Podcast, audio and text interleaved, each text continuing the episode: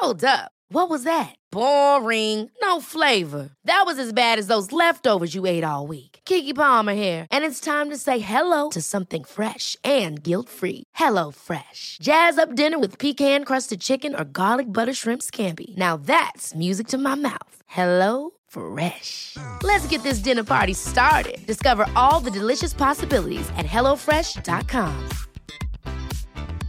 A lot can happen in the next three years. Like a chatbot may be your new best friend. But what won't change? Needing health insurance. United Healthcare Tri Term Medical Plans are available for these changing times. Underwritten by Golden Rule Insurance Company, they offer budget friendly, flexible coverage for people who are in between jobs or missed open enrollment. The plans last nearly three years in some states, with access to a nationwide network of doctors and hospitals. So, for whatever tomorrow brings, United Healthcare Tri Term Medical Plans may be for you. Learn more at uh1.com. Millions of people have lost weight with personalized plans from Noom, like Evan, who can't stand salads and still lost 50 pounds. Salads, generally, for most people, are the easy button, right? For me, that wasn't an option. I never really was a salad guy. That's just not who I am. But Noom worked for me. Get your personalized plan today at Noom.com. Real Noom user compensated to provide their story. In four weeks, the typical Noom user can expect to lose one to two pounds per week. Individual results may vary.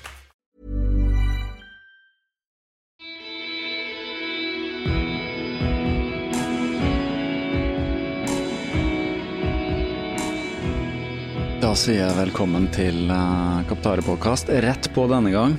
Det blir ingen uh, introduksjon til denne episoden, som er en uh, årets uh, avslutningsepisode. Jeg har med meg Magnus Toru og sitter på Deichmanske bibliotek i Bjørvika. I mangel på et annet studio, så var det åpna seg her. Velkommen, Magnus. Tusen takk for det, Marius. Ja, vær så god. Her var jeg igjen, gitt. Der var du igjen, gitt. Ja. Du er mannen vi tyr til når vi trenger å oppsummere et år. Så vi kan jo begynne å kalle en tradisjon. Vi gjorde det i fjor, mm. og vi gjør det igjen i år. Så dette er ment å være en litt sånn, egentlig bare en litt sånn avslappet løpeprat om vårt år, løpeår. Og kanskje vi kommer inn på andre ting som kan med løping gjør. Og så kan vi snakke litt om sånn generelt løpeår og ta fram litt sånn morsomme, gode prestasjoner og sånn på folk vi kjenner og ikke kjenner så godt, men som er i utvidede sfæren, uh, kan vi si. Ja. Uh, og så skal vi fortelle om uh, Kaptærmesterskapet. Det skal vi gjøre helt på slutt. Det som skal bli uh, Kaptærmesterskapet neste år. Du tenker på tolvtimers, eller? Jeg tenker på tolvtimers. Du tenker på tolvtimers. Jeg tenker på tolvtimers. Uh, Kaptare tolvtimers. Og sekstimers. Og sekstimers. Og legge inn en sekstimersløp på. Det, det skal vi komme tilbake til. Det, det ble ikke noe Kaptaremesterskap i år, fordi uh, det var litt sånn Jeg gjorde det litt sånn vanskelig. Jeg lette etter noe gøy å gjøre, og så rant bare tiden ut. Men det morsomme var at det satte i gang en Kall det en uh, chain of events, hva heter det? En uh, slags dominoeffekt som gjorde at du uh, satte i gang dine egne undersøkelser og fant ut at tolvtimers var noe som vi manglet, og det var det jo. Mm. Men som sagt, vi kommer tilbake til det. Uh, så dette er planlagt en episode i to deler, litt som i fjor. Nå er det rett før jul, og så kommer det en rett før uh, nyttår. Det blir ikke noe vin i år, da? Det blir ikke noe vin i år. Vi sitter på Deichman. Det står at det er, ikke, det er kanskje lov med drikke her, da. Men vi får gå ut og ta oss et glass etterpå, hvis det er tid. Uh, vi får ringe Stine, din samboer, og høre om du får lov til å ta deg et glass etterpå. Vær så snill. du har i hvert fall tatt på deg jeg er klar, jeg har, nisselue på. Ja, jeg, jeg, jeg, satt, jeg, satt, kamera på deg, så vi skal legge ut en liten reel på den, for i dag var du veldig søt. Ja, du har takk. Gatas Parlament-hoodie. Uh, ja, det er tilfeldig. Og så, ja, jeg kjenner han Elling, vet du. Som uh, han er uh, Han hadde Datteren er en venninne av min datter. Ja. Så det er morsomt. Det er en kompis av jeg kjenner jo han Gjester. Gjester, ja. ja. Han kjenner jeg ikke. Så det er mulig han faktisk kommer til Fiskevollen neste år. På oh, ja. festival. For å synge litt eller rappe litt for kidsa. Men det får vi se på. Det får vi se på. Fiskevollen har en sånn liten festival? Vi har en liten musikkfestival Så gøy. Uh, hver juni. Ja. Så den, den, er kul. Det er bra å ha. Mm. Så vi skal snakke litt om uh, året som har gått, Magnus. Du har jo vært innom podkasten uh, minst et par ganger i år, tror jeg. Ja. jeg har mista oversikt. jeg syns stadig jeg, jeg sitter og Kommer gående forbi. Jeg tenker at det er fint å ta en tur innom. Har du tid i dag, Marius, så banker du på sånn Marius! Har du, har, du, har du, en liten spot til meg? Ja. Nei da, det er jeg som dyrte til deg når jeg ikke vet hva jeg skal gjøre. Um, nei, jeg, når jeg trenger en god prat, så, så, ringer jeg deg. Og det er jo ikke bare, bare på podkasten vi prater. Nei, det er ikke det. Så, men eh, du har vært på podkasten, og du har også vært på uh, Patrion-podkasten, som jeg kaller den. Ja. Den uh, podkasten i podkasten som ligger skjult bak Patrion-siden. Uh, ofte med video til. Mm morsomt. Så eh, alle som er Patrion, kjenner jo til det. Og det må jeg si, det var litt morsomt uh, faktisk, når du Det kan vi kanskje komme tilbake til når vi snakker om hva vi har løpt i år, men du og jeg løper jo den Allehelgensultra. Ja, stemmer det. 50 km, og så kom vi løpende der, og så tok vi igjen en kar. Ja, Magnus. Og, ja, Magnus heter han, og så sier han, ja, så sier han sånn Ja, dere, ja, dere ja. har jeg sett. Ja, eller dere, tror jeg, dere to har jeg hørt på, sånn. Ja. ja. Eller sett eller Ja, hørt på kanskje, fordi at han viste seg å være patron av påkasten. Ja, stemmer. Så han hadde sikkert hørt på og sett kanskje en av de YouTube-videoene vi la ut. Så det var litt morsomt. Han ble løpende med oss øh, resten av den turen. Ja. Og det ble en veldig fin tur. Det. det ble en veldig fin tur. Mm. Uh, betøft for meg, noe jeg skal fortelle om seinere, men uh, sånn er det bare. Så uh, da kan jeg bare begynne å spørre deg sånn helt på generelt grunnlag, da. Hvordan har ditt år vært, 2022? Hvis du skal oppsummere det sånn. Jeg tenker beløpsmessig. løpsmessig. Jeg tenker generelt. Generelt. Hvis du, skal, hvis du står nå og ja. skuer litt bakover, hva, hvilken følelse får du sånn umiddelbart? umiddelbart. Jeg, jeg vil si at 2022 har vært et litt sånn tøft år. Mm. Litt sånn seigt uh, år. Um, det ble ikke en forløsning etter korona? Nei, nei. Uh, det gjorde ikke det. Og jeg fikk jo også korona i uh, ja, påsken. Ja. Um, men før det så drev jeg også med, med, flytting, og jeg skulle bli pappa igjen, og det var mye på trappene, da. Mm. Gratulerer, forresten. Jo, tusen takk. Ja, ja. Og så startet jo også det året med denne eller Simen satte i gang den der FKT-greia. Som mm. i utgangspunktet så skulle jeg og Jeanette Vika være med på den. Mm. Så den hang jo også litt sånn over meg, da, oppå alt det andre som, som skjedde i livet. Eh, I form av flytting og eh, det å um, bli pappa igjen. Eh, og så ble man jo ja, eh, man kommer liksom aldri ordentlig i gang med løpingen eh, på begynnelsen av året, fordi det var mye sykdom. Mm. Og så fikk jeg korona, som nevnt, da i påsken, og så ble det også sånn Ja, det ble sittende i ganske lenge, da. Mm. Um, men jeg har allikevel løpt mye. Uh, men ikke sant, det, det, er, det, har vært fryktelig mye, da. Så jeg vil si at det har vært et litt sånn seigt år. Det har vært et, vært et fint år sånn oppsummert. Um, Totalt, ja. Ja, det vil jeg si. Ja. Det endte jo veldig bra, vil jeg si. Ja, det kan vi komme tilbake til. Vil si at våren den var litt uh, langdryg, altså. Ja. Mm. Jeg vet at du, vi snakka litt sammen da. Du kasta inn håndkleet på den FKT-en, mm. um, og det gjorde vel Jeanette òg, men uh, Også pga. korona. Hun fikk jo også ja. to eller tre runder med covid. Ja. Men Simen, han dro, men han fikk ikke korona da, for han hadde hatt mm, før. Ja, Simen hadde vel uh, Han hadde en runde med korona, han også. Han, jeg tror det var i februar. Ja. Uh, og så har han også hatt det en gang tidligere. Jeg så at han skrev nå at han har hatt for tredje gang. Ja. ja. Så han hadde vel hatt to runder med det før den FKT-en. Mm. Men Simen er Simen, da. Han er, han er, liksom så seig, og når først han bestemmer seg for noe, så er han liksom umulig å stoppe. Han er umulig å stoppe, og det har vi snakka om tidligere på podkasten, og det er ganske utrolig, det prosjektet hans. Ja, det er det. Som, som uh, han har fortalt litt om og skrevet om i Runners World, i, på sin spalte der, og på sin uh, kaller blogg på Medium. Mm. Han er flink å formulere disse tingene også. Han gjør jo utrolige ting. Nå tror jeg han sysler med en bok om uh, Norge på langs. Stemmer. Han må liksom få skrevet ut den historien. Ja, det, den tror jeg han har liksom gått, ja. gått med inni seg i mm, det har han nok. Men år nå. men det blir nok uh, kult. Virka som mye bilder og Han møtte jo veldig mange og sånt, så det er litt morsomt. Uh, så, så når liksom begynte når begynte liksom løpeåret for deg, da? Når, Nei, det, det, når klarte du å begynne å liksom finne struktur på ting? Det begynte jo egentlig greit i januar. Eh, selv om jeg hadde jo, som vi snakket om, eller har snakket om før, så hadde jeg den runden med, med kyssesyke og sånn. Det hadde du også, ja. Eh, I 2021, slutten av 2021, rett rundt ah. Bislett-tider da. Ja. Så jeg kjente jo litt på den, men jeg kom liksom greit i gang med trening i januar. Fikk vel løpt en ja, litt over 500 km da. Mm. Um, men så kom februar, uh, og da begynte liksom kroppen å krangle litt.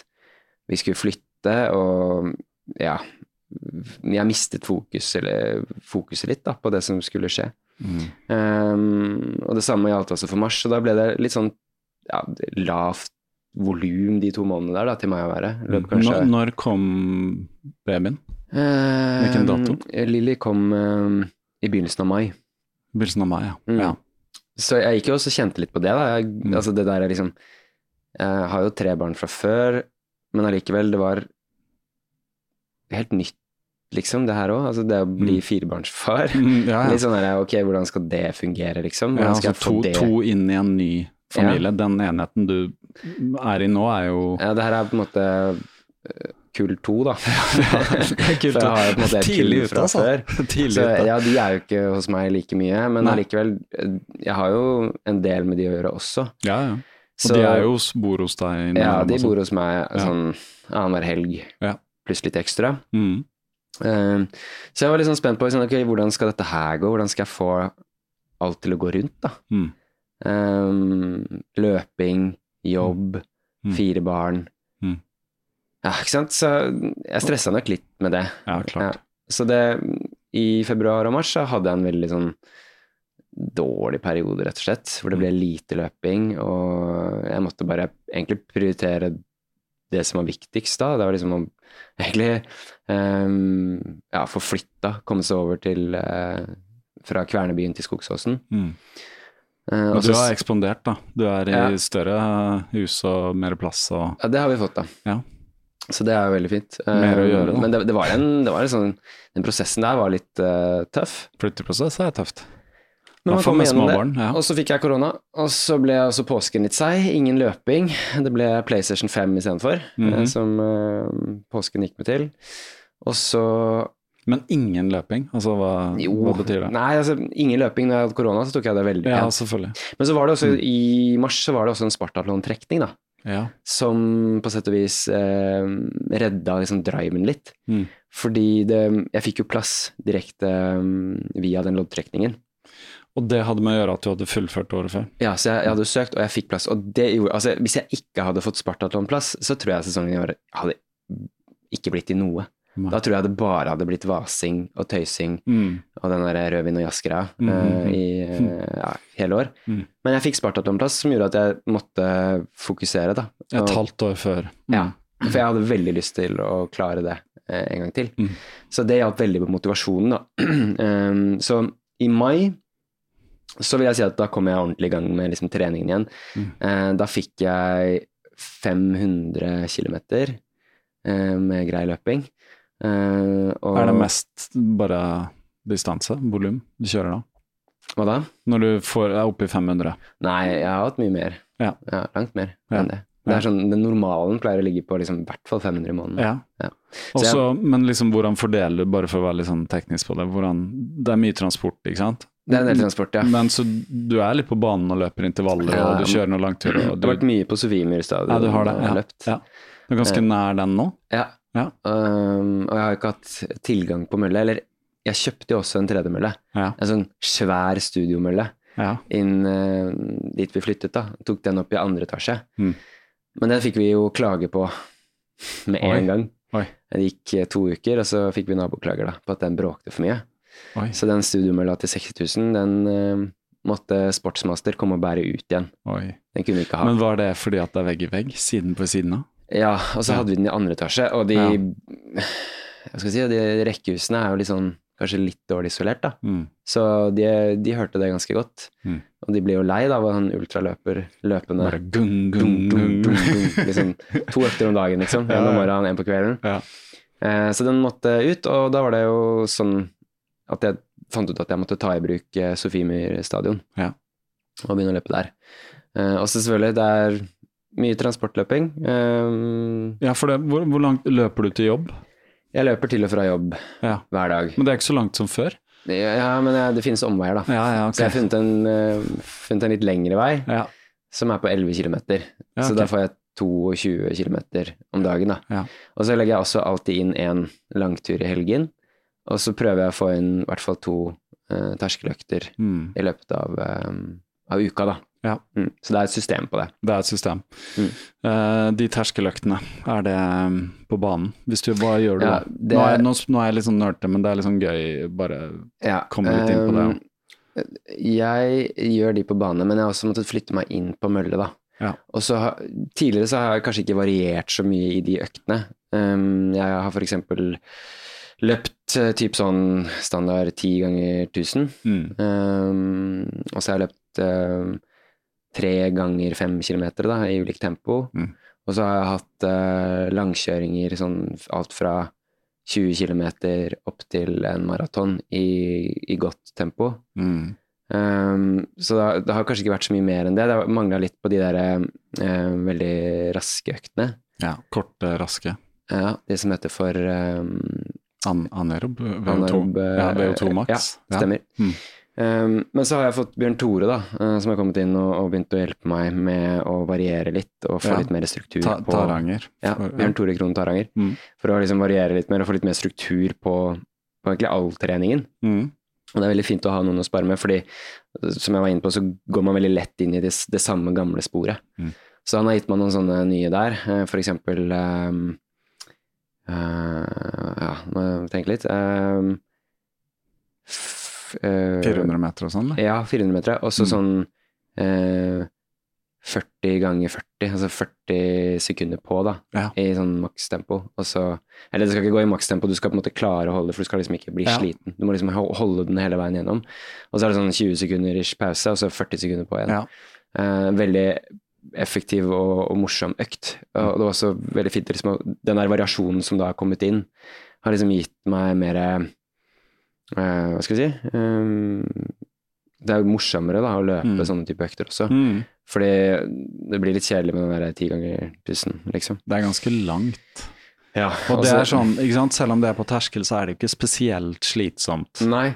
Og så merker jeg at de øktene til Bjørn Tore også har De gir liksom Det gir meg mer effekt, da, Ja. på sett og vis. Um, jeg kjenner at jeg får mer igjen for de øktene. Mm. Så liksom progresjonen min har liksom begynt å Altså det har vært progresjon der, Ja. kontra hvor det var en periode hvor det var sto veldig stille. Mm. Eh, så det er også gøy å se, da, når du kjenner at liksom du tåler Du tåler å løpe fortere igjen. Ja, For jeg, jeg vet jo at de, både fra han og fra Stig som er i Bergen i den BFG, Bergen løpeklubb, Mm. er ikke det den heter? Sier jeg rett nå? Ja, ja stemmer. Ja. Der holder de på med en del som felles, som er eh, ja, Mm. eh, med han Jan Fjærestad, han? Ja. Han treneren? Ja, altså så da- treneren til eh, Bjørn Tore, da. Riktig. Mm. Så de har struktur på det, så kanskje han gir deg litt av det samme Ja, og så er det veldig deilig å slippe liksom, å, Mm. å tenke det ut selv, Ja. men han bare setter det inn i et system. Han sier sånn 'kjør den økta', mm. og så har jeg noen spørsmål rundt det, og så blir vi enige, og så, Mm. ja. Mm. Og så tilpasser jeg selvfølgelig sånn i forhold til hva jeg ser at jeg har av tid, og hvordan uka funker, da. Mm. Eh, og der er også han liksom fleksibel, så vi finner liksom litt løsninger sammen på det. Mm. Så jeg setter veldig pris på det, at jeg også får den hjelpen av Bjørn Tore. Ja, kult. Mm. Det blir jo spennende, for det er, ikke, det er jo ikke så lenge. Det kom jo først nå seinere på året, ikke sant? At du Eh, starta samarbeid Det med var han. etter Spartatlon. Etter han, Spartatlon. jeg tror han syntes litt synd på meg. Ja. Det var det mange som gjorde. Etter jeg la ut av disse den triste Instagram-storyen og sånn. Ja, ja. Det så litt sånn dystert og mørkt ut. Og det, det snakka Det har vi vel snakka om. Ja, vi snakka litt om det. Vi har om Mm. det. Så for de som ikke har hørt eh, denne episoden, så Det er bare post-Spartatlon-episoden. Det er postpartalon-episoden. Det var jo veldig måtte, Du måtte bare snakke ut om det. Måtte bare snakke om det. Uh, og det skjønner jeg. Men det ble en bra episode. Jeg fikk uh, Min venn Sindre sa veldig bra. Det var morsomt, og det var liksom eh, både drama og Eller både tra tragedie og drama og humor, liksom, Ja. fra Hellas. Så det, det var veldig bra at uh, Ja, det, det ble en god historie etterpå. Det, det var gøy. Ja. Så uh, ja. Uh, og gjennom sommeren så er det jo spinnvill uh, når du løper, uh, for da kjører du oppover og oppover, Ja. mm, ikke sant, mot Spartatland og bruker ferien for det den er verdt. Ja, jeg, bygger jo da sakte, men sikkert opp volum, ikke sant. 650 km i mm, Var det vel i juni? Og så blir det ja, 9, over 900 km i juli, og godt over 800 km i august. Og som jeg, det har jeg også snakket litt om, men jeg bruker jo mye av, min, mye av fritiden på dette her. Mm. Sommerferien, liksom, første uka der. Mm. ut og løpe 50-60 km hver dag, ikke sant. Um, så ja. Uh, det ble veldig bobla. Det er sånn. Um, og så er spørsmålet sånn Var det verdt det, liksom? For du kommer jo ikke til Sparta. Uh, du kom deg til Sparta? Jeg kom meg til Sparta. Ja, ja, ja sånn, ja, nei, du kom deg ikke til Sparta. Det gjorde du ikke. Nei, eller jeg nei. kom meg til Sparta. ja, du, ja, du kom deg til Sparta. Jeg kjørte buss. Ja, du kom deg ikke, og det har vi som sagt snakka om. Ja, nei, det husker jeg ikke om vi spurte om i den podkasten, var det verdt det? Men det er litt sånn underordnet, spør du meg. Ja, det var ja. Um, men ikke sant, mye trening. Det som er gjort, er jo gjort. Og hvis ikke utfallet ble som man trodde, så jeg vet ikke. Det har man ikke alltid kontroll på. Det har man ikke. Men innenfor her så har vi også mye fine sånne Vi var jo med på noen andre løp som oppkjøring da, til var det. Spartaland. Vi fikk jo løpt Romeriksåsen på langs. Det var da jeg våkna litt. Uh, for jeg Ja, det kan jeg ta når vi skal oppsummere meg. Men ja, Romeriksåsen på langs. Ringerike sekstimers. Det var jeg ikke med på å gjøre, men det mm. løp du. Og Oslofjorden rundt, den var du jo med på. Den var jeg med på. Mm.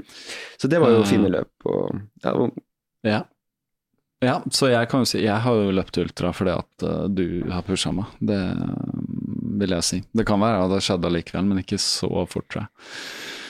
Uh, for når du spurte meg om jeg skulle være med på den uh, uh, Romeriksåsen på langs, så var jeg liksom det var ikke, hadde ikke jeg trent for et sånt løp. Men Nei, det er et eller annet Nei, jeg, tror du, jeg tror du bare hadde Du sa at du hadde løpt Jeg tror du hadde hatt én langtur på 23 km. Ja, ikke sant. Men allikevel så Det er et eller annet med at når du har gjort noe sånn før, mm. så tenker du at ja, det kan jeg klare igjen. Ja. Selv om du på en måte ikke har trent for det. For at du liksom vet at har jeg gjort det før, så kan jeg i hvert fall gjøre det igjen. Ja, jeg visste at jeg kom til å fullføre. Og det gikk jo veldig bra. Du løper jo fint fram til sånn noen og 30, så var det kanskje litt, litt seigt på slutten. Ja, det var veldig seigt. Særlig helt på slutten. Mm. Men uh, veldig glad jeg gjorde det, da. Uh, ja, så er det hele historien med, med Sparta. Den har, som, uh, den, den har vi tatt. Mm. Og det var søren meg nedtur. Uh, men så tenkte du ja, men det er jo bra, for da har jeg litt sånn news igjen til, ja, til uh, Bislett 24. Til Bislett 24, da. Og det var også sånn Bjørn Tore kom inn og mente at liksom dette her var helt Ja, dette skulle vi få til. Ja. Så etter hvert så ble jeg jo litt optimist på det selv, da. For jeg fikk jo den kroppen igjen, og det funka jo på trening, ikke sant. Mm. Uh, trente godt inn mot Bislett. Begynte nedtrapping. Mm. Begynte å bli redd for å bli syk. Og ble syk. Ja. Selvfølgelig. Ble skikkelig syk. Tirsdagen, onsdagen før Bislett, da, den uka der. Så Bislett er jo da på en lørdag. Jeg kjente bare at jeg ble dårligere og dårligere utover den uka der. Mm. Uh, og at det var, var, ikke noen idé engang å, å starte mm. der inne. Mm. Det hadde bare vært tøys. Og også fra den erfaringen fra i fjor, da, hvor jeg også gikk med liksom virus og ting i kroppen. Det var da kyssesyken opplevde Det var kyssesyken. Ja, ja. Mm. Eh, men når vi kommer inn på det, altså alle blir jo syke innimellom og sånn. Og så tenker jeg litt større sjanse uh, for deg som både har små barn og du jobber i barnehage, men så kjører du jo også antagelig kroppen ganske sånn ja ja, når man trener og løper så mye med resten av livet litt sånn uh, sjonglerende i noen baller der, ja. så er det jo kanskje litt større Jeg merker jo selv hvis jeg er belastning og sånt, så kommer det lett, litt lettere og sånne ting. Du, har du tenkt noe over det? Ja, ja, For jeg tenkte jeg skulle tulle litt med deg og si sånn Jeg tror du liksom manifesterer disse sykdommene selv, for det du har så altså, det er jo sånn ikke fokuser på det du ikke vil ha, liksom. Mm. Holdt jeg på å si. jeg, jeg, fokuserer veldig på det. Ja, for at alt What's held in mind tend to manifest, ikke sant. Ja, det er litt sånn, så, så, man kan jo spørre litt på spøk. Da tror du at du liksom manifesterer disse ja. sykdommene rett før fordi at du går egentlig og tenker sånn Jeg skal ikke bli syk, ikke bli syk, ikke bli syk. Så hø universet hører ikke ikke, vet du. Hører syk, syk, syk. syk, syk, syk. Sånn, jeg, jeg vil være syk. Vil du bli syk? Jeg er så redd for å bryte Spartatloven. Jeg er så redd for det. Og jeg er så redd for det. Å, herregud. Jeg brøt. Ja. Nei, det er noe i det. Det er noe i det, fordi at uh, hjernen oppfører seg jo litt uh, Den styrer jo litt sitt eget show òg. Men nei da, jeg, jeg, jeg, vet ikke, men jeg tenker jo hvis vi skal ha det rasjonelt forklart, så er jo alle de tingene det samme. Du har barn, du jobber i barnehage, du har mm. mye belastning totalt og sånt, så jeg òg har vært syk i høst uh, med det ene og det andre. Faen, det har vært, uh, vært mye, mye, Og jeg føler jo det at alle andre har snakka om det, at dæven, det har vært mye greier. Så jeg vet ikke med lytterne hvordan det har vært, men det virker jo som liksom, Nå er vi liksom et år etter at det åpna opp igjen ordentlig og sånn, men det virker som det har liksom vært et sånn Nesten så åpna slusene for alt Mm. mulig annet. eh, og så glemmer vi litt den der koronaviruset som jo selvfølgelig har bare sirkulert og sirkulert i nye mutasjoner som ingen Mm. snakker om lenger, så hvem vet, liksom. Jeg har ikke tatt noen tester på meg selv. Eh, vi tok hjem på min datter en gang, for Mm. hun ble veldig forkjøla. Det var ingen, det var negativt. Men uh, jeg har jo kjent at jeg har gått og hangla med ting, jeg også. Ja. Absolutt. Så det Jeg ser jo det på jobben også. Ja. Uh, mine ansatte også, masse syke. Ja. Uh, og alle disse bemanningsbyråene, de er jo skrapa for Ja, vikarer. ja, er alle som en. Ja. Eh, for det går så mye sykdom rundt om. Da. ja. Så det, er, det har vært ekstremt i år. Så vi kan nesten si statistisk at eh, Det må det være. Det ja, må være en, Ja. noen statistikk på det som viser at det har vært veldig mye mer sykdom. Jeg vet at det har vært Det hørte jeg statistikk på, vi snakker om sånn dødelighet som er sånn snittår. Det har vært overdødelighet nå, da, på eldre og sånn, som Mm. er ja, flere enn snittet. Men under korona så var det litt under, faktisk. At, men da var jo alt nedstengt, så det var jo ingen som Ikke sant? Så det har nok vært et litt sånn, ja, som jeg sa, et etterslep. Det har kommet litt sånn Var det nesten ja. tryggere under koronaen, fordi da var man jo mer Altså, man holdt avstand, man var mer i mindre grupper. Eh, Det var en del tiltak da, Ja. som gjorde at man kanskje unngikk å bli syk med andre ting. Ja. Eh, mens nå har det liksom bare vært frislipp på det. Så det at Mm. man blir, liksom, blir syk rett opp mot Det er kanskje ikke så rart. Ja. Og så er det også sånn liksom, når man senker skuldrene litt, driver med nedtrapping, så tror jeg også det kanskje det har en større tendens til å bryte ut. da. Det er nesten Ja. som før en eksamen. ikke sant? ja. Du har pugga og pugga og lest og lest og er kjempestressa, og så er du ferdig med eksamen, Mm. og så pang, så blir du syk. Mm. Akkurat som kroppen bare skrur av, og så tillater seg å bli ja, sjuk. Da. ja. Men så han fighta holdt det akkurat vel ikke. Mm. Altså, det var skikkelig nedtur da, å sitte Uansett, og se ja, på det- det folk i løpe der inne. Men Ja. jeg følte at liksom, jeg har liksom et langt løp som jeg må få ut. Ja. For det kjente jeg liksom, at jeg hadde ikke fått ut noe langt løp. Du hadde trent enorme mengder. Enorme uten- mengder! Jeg har aldri trent så mye i mitt liv. Jeg, Nei. jeg har løpt 6500 km i år, liksom. Ja, ja. Mm. Det er 1500 mer enn jeg noensinne har løpt. ja, det er vilt. Du hadde liksom skrudd opp et hakk for at du hadde lyst til å gjøre det enda bedre på, på både Spartalon og Ja? Bislett og alt. Flere barn, mer løping, alt. Ja, ja. Bare mer, skrur mer, mer. opp volumet på det meste. ja, ja, ja. Så, så hva, hva ble redningen da? For jeg vet at du, du begynte å se deg om etter muligheter. Det, det, det, det, det var en Altså, det begynte med Simen, da. Ja. For Simen sier ikke sånn 'Å, går det bra, stakkars deg, er du syk?' Mm. Han skrev bare sånn 'Ja, har du funnet deg et nytt 24-timersløp?' det var det han skrev. Men jeg er syk, liksom. Du ikke bare liksom anerkjenne meg for at jeg er syk. nei da, nei, du må bare finne et nytt løp. Eller så har du Espo i februar, så har du ditten og datten. Han har oversikt på alle løp som fins. Mm, mm. Så han sa ja, det er PRT i Sverige den 10. desember. Mm. PRT, ja. Ok, greit. Hva er det, liksom? Så uh, sjekk opp det, da. Og fant ut at det var et 24-timersløp i Vaksjø um, i Sverige. Hvor ligger det? Småland. Småland, Ja. Litt sør i, inn i landet der. Ja. Uh, I tipshallen, da. Mm -hmm. uh, og så så jeg da at det løpet var fulltegnet. Um, men at det var en Daniel Westergren, uh, som da har felles bekjente Mm. eh, med meg, som da mm, er eh, race director, da. Mm. Så jeg tok også sendte han en melding og forklarte situasjonen min. At jeg hadde blitt syk på Bislett, jeg hadde trent og trent og trent, jeg hadde gått dårlig på Spartatlon.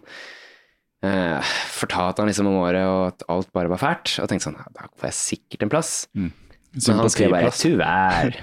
altså, løpet ble fulltegna for lenge siden, og vi slapp noen plasser nå i november, men de ble også bare revet bort, så Mm.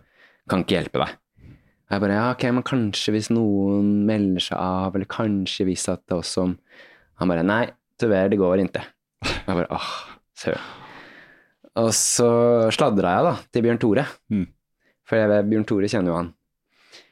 Så jeg sladra til Bjørn Tore og sa at ja, jeg snakka med Daniel og får ikke plass. Og Bjørn Tore bare Nei, det er dårlig, det skal jeg ordne, ikke sant. så Bjørn Tore bare Halla, det er en kompis av meg som eh, ja, Samme greia, da. Mm. Eh, han skal løpe, han han skal prøve å ta landslagskravet Mm. på 240, Mm. skrev Bjørn Tore da. Det var ikke helt sant. Nei, det var litt sant. da. Eh, litt sant. Ja. Eh, Spartatlon-landslagskravet, da. Ja, ja, ja. Ehm, ja.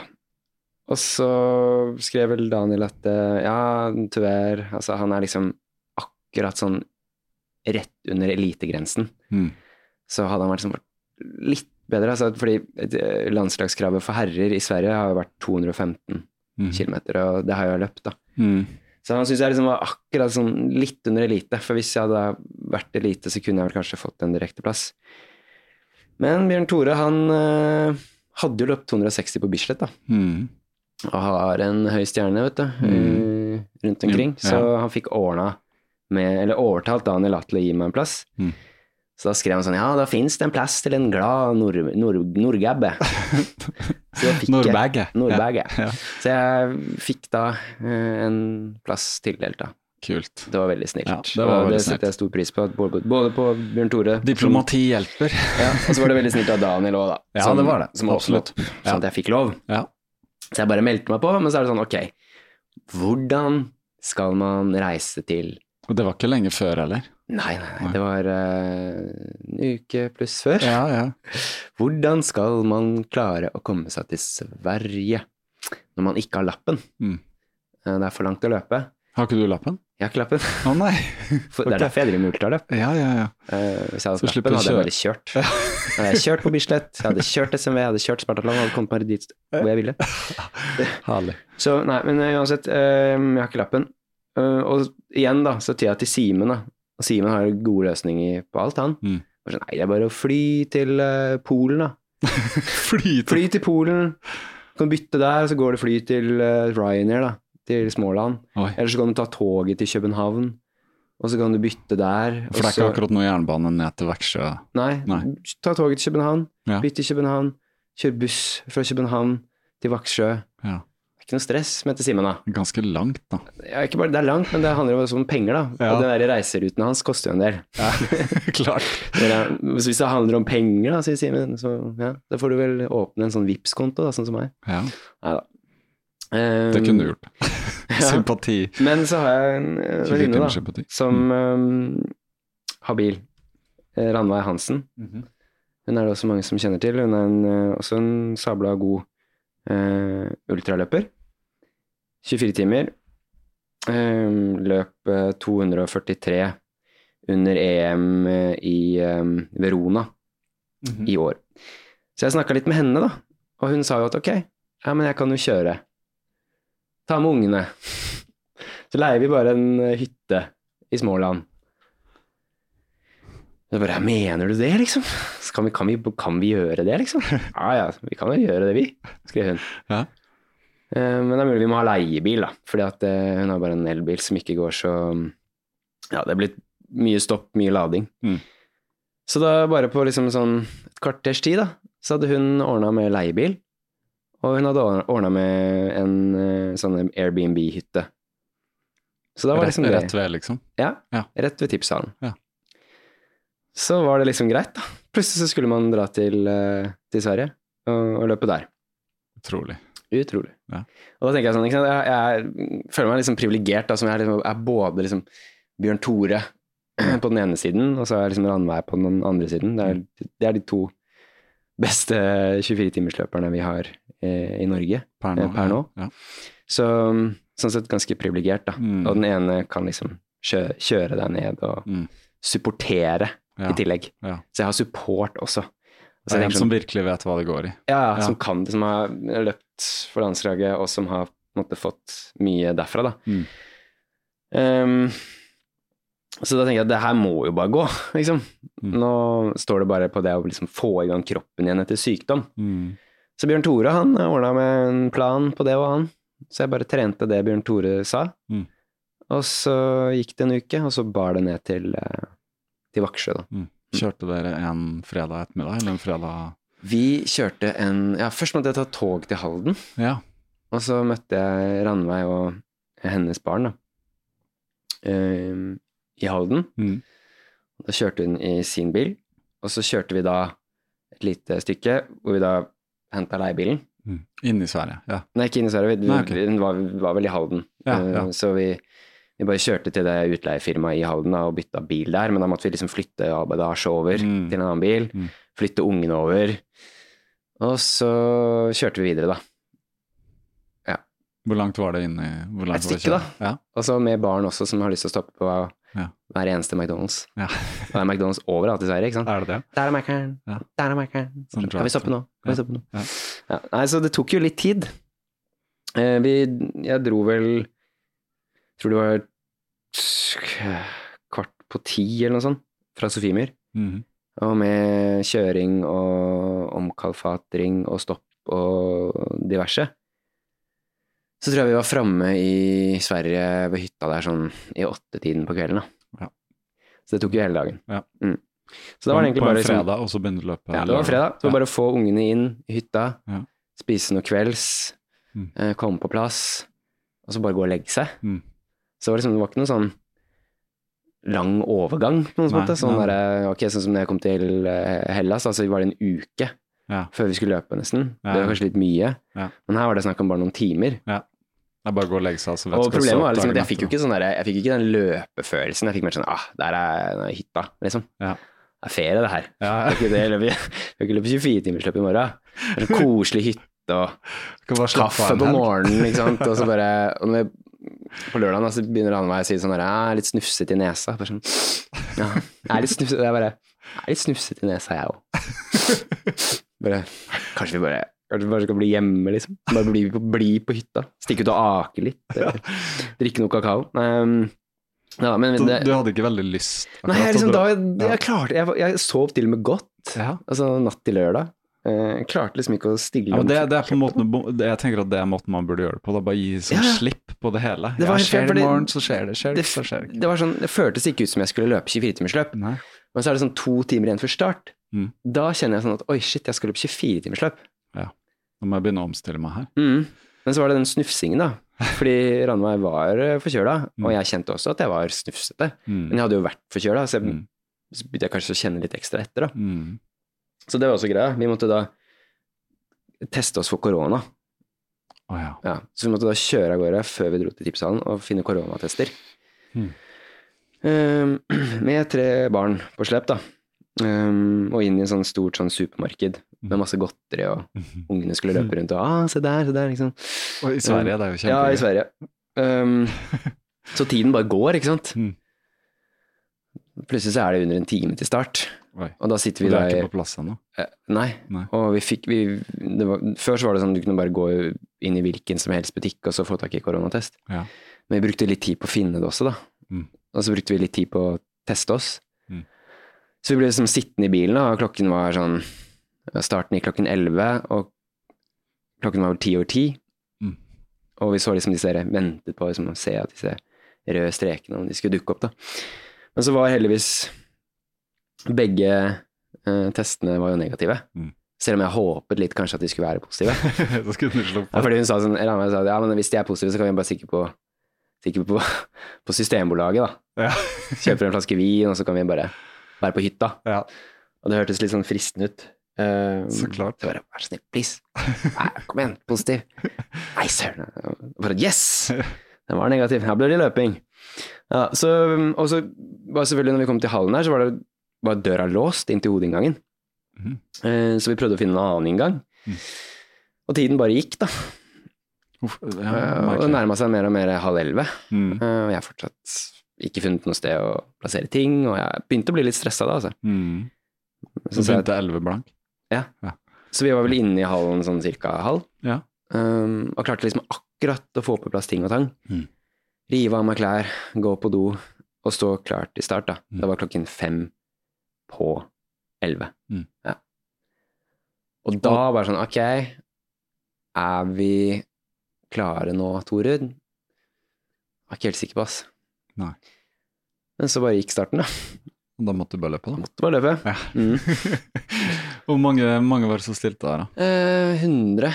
100? Ja. Ja, 100 på Men 20 det er- timer, og så var det også noen og 30 på 6 timer, og noen og 30 på 12 timer. ja, du hadde kjørt Fordi simultant, vi, ja. vi startet jo, men det ble også avviklet 6-timersløp Mm. og 12-timersløp underveis, da. Aha. Så på det meste så var det kanskje 130 løpere Mm. rundt den 400-metersbanen, da. Wow. Ja. Det, det er ganske folksomt. Det er folksomt. Altså, det var greit, liksom. Jeg tenkte at det var greit nok til starten med 24 timer. Mm. Um, men når 6 timers kom, så følte jeg at det ble litt trangt. Ja. Det var sånn irriterende at jeg måtte løpe forbi og Ja. brukte litt sånn De streama litt live video, så jeg sjekka ut. Jeg syns Ja. det så litt sånn rotete ut. Ja, det ble rotet litt rotete. underveis. Ja. Um, men det gikk jo greit, da. Sånn første timen. Ja, ja. Andre timen også. Ja. Jeg løper med sånn pulsbånd, pulsmåler, for, eh, med sånn brystmåler, ja. for å følge med på pulsen. da. For det, i fjor så var jo pulsen altfor høy, mhm. og jeg var litt sånn opptatt av at den skulle være lav, for det vil liksom gi meg en sånn trygghetsfølelse på at liksom, ok, jeg er ikke, jeg er ikke sjuk, liksom. Nei. Men jeg så at pulsen var for høy, altså den lå sånn eh, på 140 på relativt lav fart. Jeg hadde vel en sånn 540 Mm. 545 pace, mhm. og den lå på 139-140, Mm. og det syns jeg var litt for høyt. Fordi at den bør ligge på sånn 120-125 oh, ja. på normalen. Ja, det er litt forskjell. Så jeg var litt sånn hm. Uh, men så sa Ranne at jeg måtte bare drite i det, uh, ikke fokusere på det. Nei. Og det kunne være koffein, for eksempel, da, som kunne gi et sånt type utslag. Mm. Så etter fire timer så bare dro jeg av meg den. Ehm, men jeg kjente jo liksom allerede da at eh, ok, det her er ikke helt sånn som det burde kjennes. Mm. Det er, etter fire timer så skal det kjennes lettere, da. Mm. Det vet du med erfaring når det har klaffa. Ja. Så hva, hva gjør du da? Eh, nei, det er bare det å prøve å ignorere det, da. Eh, og så går det jo relativt greit sånn fortsatt rundt fire timer. Også etter fem og etter seks timer. Seks timer så passerer jeg vel 60 km, da. Mm. Eh, og det funker jo. Det er sånn grei flyt i løpingen. Men det er sånn Jeg tror Ranveig legger merke til at noe er gærent. Mm. Så hun spør også går det bra, eller? For jeg, jeg ser liksom at farten din har gått litt ned. Mm. Jeg bare ja, nei, det- her går det helt fint. Det er ikke noe stress. Eh, men eh, ja. Jeg merker jo at jeg på det tidspunktet da jobber veldig mye. Mm. Og når vi nærmer oss åtte timer og 50 miles For jeg, jeg holder liksom stabilt sånn én mil i timen. Mm. Så på åtte timer så har jeg løpt eh, 80 km. Og da begynner jeg liksom å kjenne at dette her skjønner jeg liksom ikke helt hvorfor jeg driver med. Mm. Altså, nå er vi der igjen. Mm. Nå, har jeg, sånn, nå kom de der følelsene som jeg fikk også under Spartathlon. At altså, nå kunne jeg vært på julebord med jobben, liksom. Ja.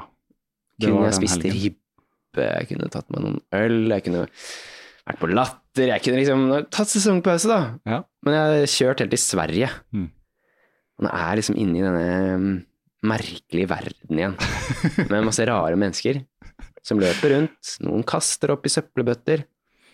Noen promper åpenlyst på banen uten liksom å virke sjenert i det hele tatt. Uh, der løper i alle mulige fasonger. Um, ja. Så jeg liksom, begynner å tenke sånn Hvorfor For er- driver jeg med det her, liksom?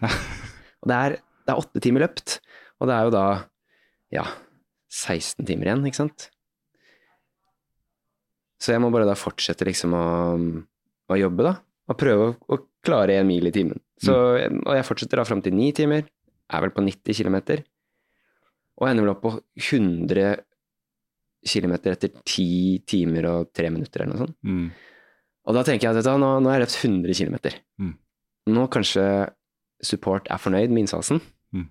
Så kanskje hun foreslår at vi kan dra tilbake igjen til hytta. Mm.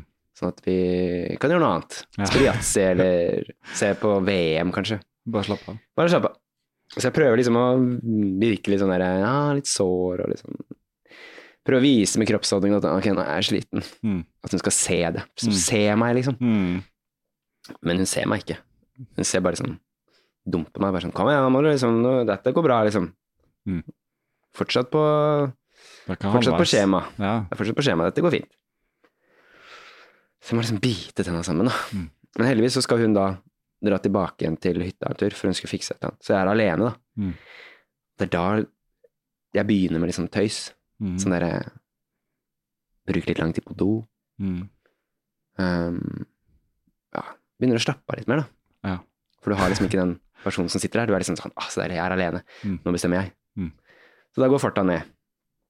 Um, så etter tolv timer så har jeg løpt 117,5 km. Mm. Da rana jeg tilbake igjen. Da begynner jeg liksom å kjenne at okay, nå er vi halvveis. Dette her går ikke, liksom. Jeg, jeg blir ikke noe Spartatlon. Og jeg kjenner at jeg liksom Jeg, jeg orker ikke. Mm. Um, og dette er bare for dumt uansett. Så jeg prøver liksom å kjøre det enda mer sånn her ok, Prøver liksom å vise med kroppen, da. Uh, til meg at dette her um, um, er bare en dårlig idé. Mm. Men jeg Ja. Men jeg, jeg merker liksom at hun blir sånn irritert.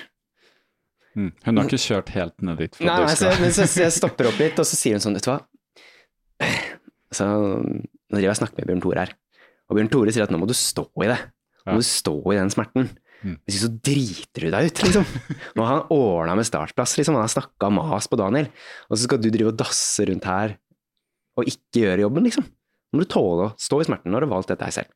Men jeg må bytte sko, da. Bytte sko igjen! Du bytta sko for sånn tre-fire timer siden, liksom. Uh, så jeg setter meg ned, da. Eh, og bytter sko. Og da prøver jeg liksom sånn, jeg, sånn ah, jeg klarer ikke å få opp skolissen. Prøver å liksom vise at nei, det går ikke. Kan du ikke bare la meg få slippe, liksom? Jeg klarer ikke engang å åpne skoene mine. Og da følte jeg meg som jeg var sånn fire år, og hun bare liksom var, var en barnehagelærer som bare dro av meg skoene. Bare Kom igjen, nå! Men nå skal vi gå på tur, liksom. På med skoene! Kom igjen! Så hun bare liksom drar av de skoene og knyter listen. Sånn, ja, jeg vet ikke åssen du liker det, her, listen, så du får knyte skoene sjøl. Jeg bare, ok, greit, da. Ut og løpe, liksom. Og da tenker jeg greit, da får jeg bare ta en, ta en time av gangen, da. Så jeg jobber sånn sakte gjennom, da. Tenker ok, jeg skal i hvert fall klare 130 km, tenker jeg, liksom. Mm. Så jeg er på 117, tenker jeg greit. 12 km til, så kan jeg gi meg. Mm. Den bare vise et tydelig signal, da. Mm. Når jeg er på 130, kan jeg vise til denne at ok, nå går det ikke, for nå er jeg sliten. Mm. Så på 130 km så prøver jeg også å vise liksom, i kroppen sånn, og kroppsspråket mitt at nå er jeg veldig sliten, og jeg orker ingenting, jeg er kvalm, jeg, jeg må kaste opp. Mm. Men jeg får liksom ikke noe sånn derre Jeg får ikke noe medlidenhet. Bare sånn, det er sånn, ja ok, men gå og spy, da. Mm. Gå og spy. Løsningsorientert. Er det ikke noe du vil ha? Mm. Nei, jeg vil ikke ha noen ting. Nei, ok, greit. Men drakk du underveis, da? Ja, ja, Fikk jeg, jeg, jeg drakk jo, jeg fikk, fikk meg en god del Fuel of Norway. Mm. Um, men jeg sleit liksom med næringsinntak generelt. Det var, jeg var, hadde ikke lyst på noe. Nei. Og det er veldig unormalt for meg. Jeg Mm. spiser alltid, sliter aldri med Inntak, ja. Um, å spise. Mm. Uh, men jeg hadde ikke lyst på noen ting. Jeg var bare kvalm og har hata alt av mat og Mm. ting som hadde med den hallen å gjøre. Mm. Ehm, men det var ikke noe kjære mor, da.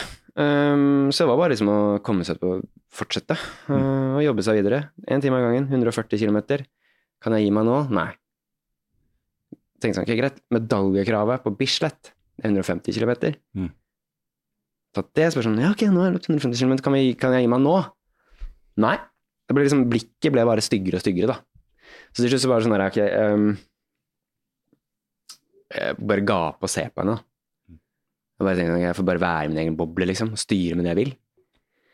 Eh, så tenker jeg, ok, greit, nå har jeg løpt 150 km, skal jeg i hvert fall, i hvert fall løpe 100 miles. Mm. Sånn at jeg har løpt 100 miles i år. For det, det har jeg gjort hver eneste sesong siden 2017. Mm. Vi, Og det hadde du ikke hittil. nei, jeg hadde jo løpt 140 i Sparta. Det var det Mm. lengste. Mm. Jeg tenkte, ok, jeg skal i hvert fall løpe 100 miles. Mm. På en sånn, det er ikke noe bra tid, men det er liksom, det er en tid. Mm. Så jeg passerte 100 miles på 18 timer, cirka. Mm. 18 blank-ish. Og da tenkte jeg sånn, ok, nå har jeg vist Ranveig Hansen at jeg har løpt 100 miles, og da er hun sikkert fornøyd og veldig stolt over meg. Men var hun det? Nei, Jeg tviler. hun var ikke det. Fordi Ranveig Hansen har løpt 243 km, Ja. og da blir, da blir 100 miles eh, ekstremt puslete. Mm. I hvert fall når du bare har Eh, løpt og da er det sånn, timer. ok, kom igjen Magnus, skjerp deg nå. Det er seks timer igjen. Ja, skjerp deg liksom, kom igjen, skjerp deg. Og da er klokka øh, fem om morgenen eller noe sånt. Ja. Ja. Men kom igjen, skjerp deg, liksom. Du, du klarer dette, her, liksom. Jeg bare, jeg må gå. Mm. Jeg må bare gå litt. Så bare, ok, gå en runde, da. Mm. Så fikk jeg lov å gå en runde, så bare, jeg må gå en runde til. ok, da. Men så må du komme i gang med løpingen igjen, så gikk jeg en runde til. Og så bare tok jeg en runde til, for jeg orket liksom ikke. Jeg måtte bare gå. Mm. Eh, Jeg tenkte sånn, jeg får bare gå da inn til 170, Mm. og så Mm. kan jeg bryte. mm. tenkte jeg. Så jeg gikk inn til sånn 166, um, men da sier han meg sånn Magnus, du, nå nærmer du deg tredjeplassen. Mm. Du er snart på pallen. For du hadde løpt deg oppover? Jeg hadde løpt meg oppover. Ja. Men jeg var ikke så fokusert på liksom, hva slags plassering jeg hadde. Jeg var nei, mer fokusert på um, å løpe 225 km. Ja, men det, det hadde du vært, men du var mest fokusert på å bryte. ja, ja, jeg var egentlig mest fokusert på å bryte, og tenkte ut at jeg skulle begynne med noe pappablogging eller mm. Tenkte kanskje jeg kunne begynne med pappablogging og lage en blogg som het uh, Pappa Lilly eller noe sånt da, mm. på Instagram. ikke sant? Det tenkte jeg på. Ex-ultraløper. Ja, at jeg skulle drive med Jeg tenkte på at vi skulle ha Kaptare tolvtimers. Ja. At jeg kunne podde med deg, eksempel, ja, ja. og heller snakke om andres prestasjoner, og ikke bry seg mye om mine nei, egne. Nei. Uh, jeg hadde mange gode ideer om hva jeg kunne gjøre. Jeg var, sånn, jeg var helt klar for å bare legge opp. Jeg, jeg, var helt sikker, 110% sikker på at jeg skal aldri gjøre dette mot meg selv igjen. Mm. For det her er så teit. Mm. Jeg har trent og løpt så mye for å liksom, drive og holde på inni denne hallen her, liksom. Og alle er bare sure på meg. Mm. Bjørn Tore er sur på meg, Ranveig er sur på meg, mm. jeg har ingen venner.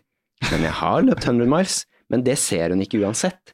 Så da kan jeg gå ja. på trass. Ja. Ah. Så jeg, jeg, gikk, og hun bare Ok, men nå nærmer du deg pallen. Jeg bare orker ikke å tenke på pallen, liksom.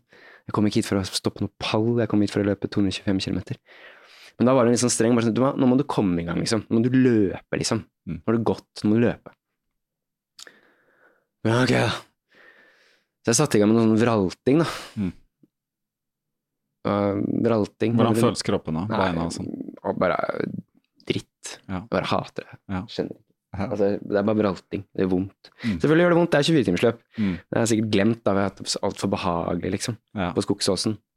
I rekkehuset. Ja. eh, med Netflix og sofa og badekar har vi fått. Oh. Uff a meg. Nei, men eh, jeg kommer i gang. Og så, så, og så, så løper jeg meg liksom opp på tredjeplass. Mm. og da ble det jo sånn, ok, men da må jeg klare å holde den tredjeplassen også. For da mm. kjenner jeg liksom sånn, da fikk jeg litt konkurranseinstinkt. Mm. Da ble jeg litt sånn, ok, greit, Jeg skal prøve å presse ut noe av denne sesongen, mm. så er det jo litt gøy med en pallplassering på et ultraløp i Sverige. Jeg har aldri stått på pallen i et utenlandsk løp før. Mm -mm. Det, er liksom, det, er noe vi kan ta med oss, liksom. Mm. Og så kan jeg slutte med ultraløp og åpne pappablogg mm-hmm. når jeg kommer hjem.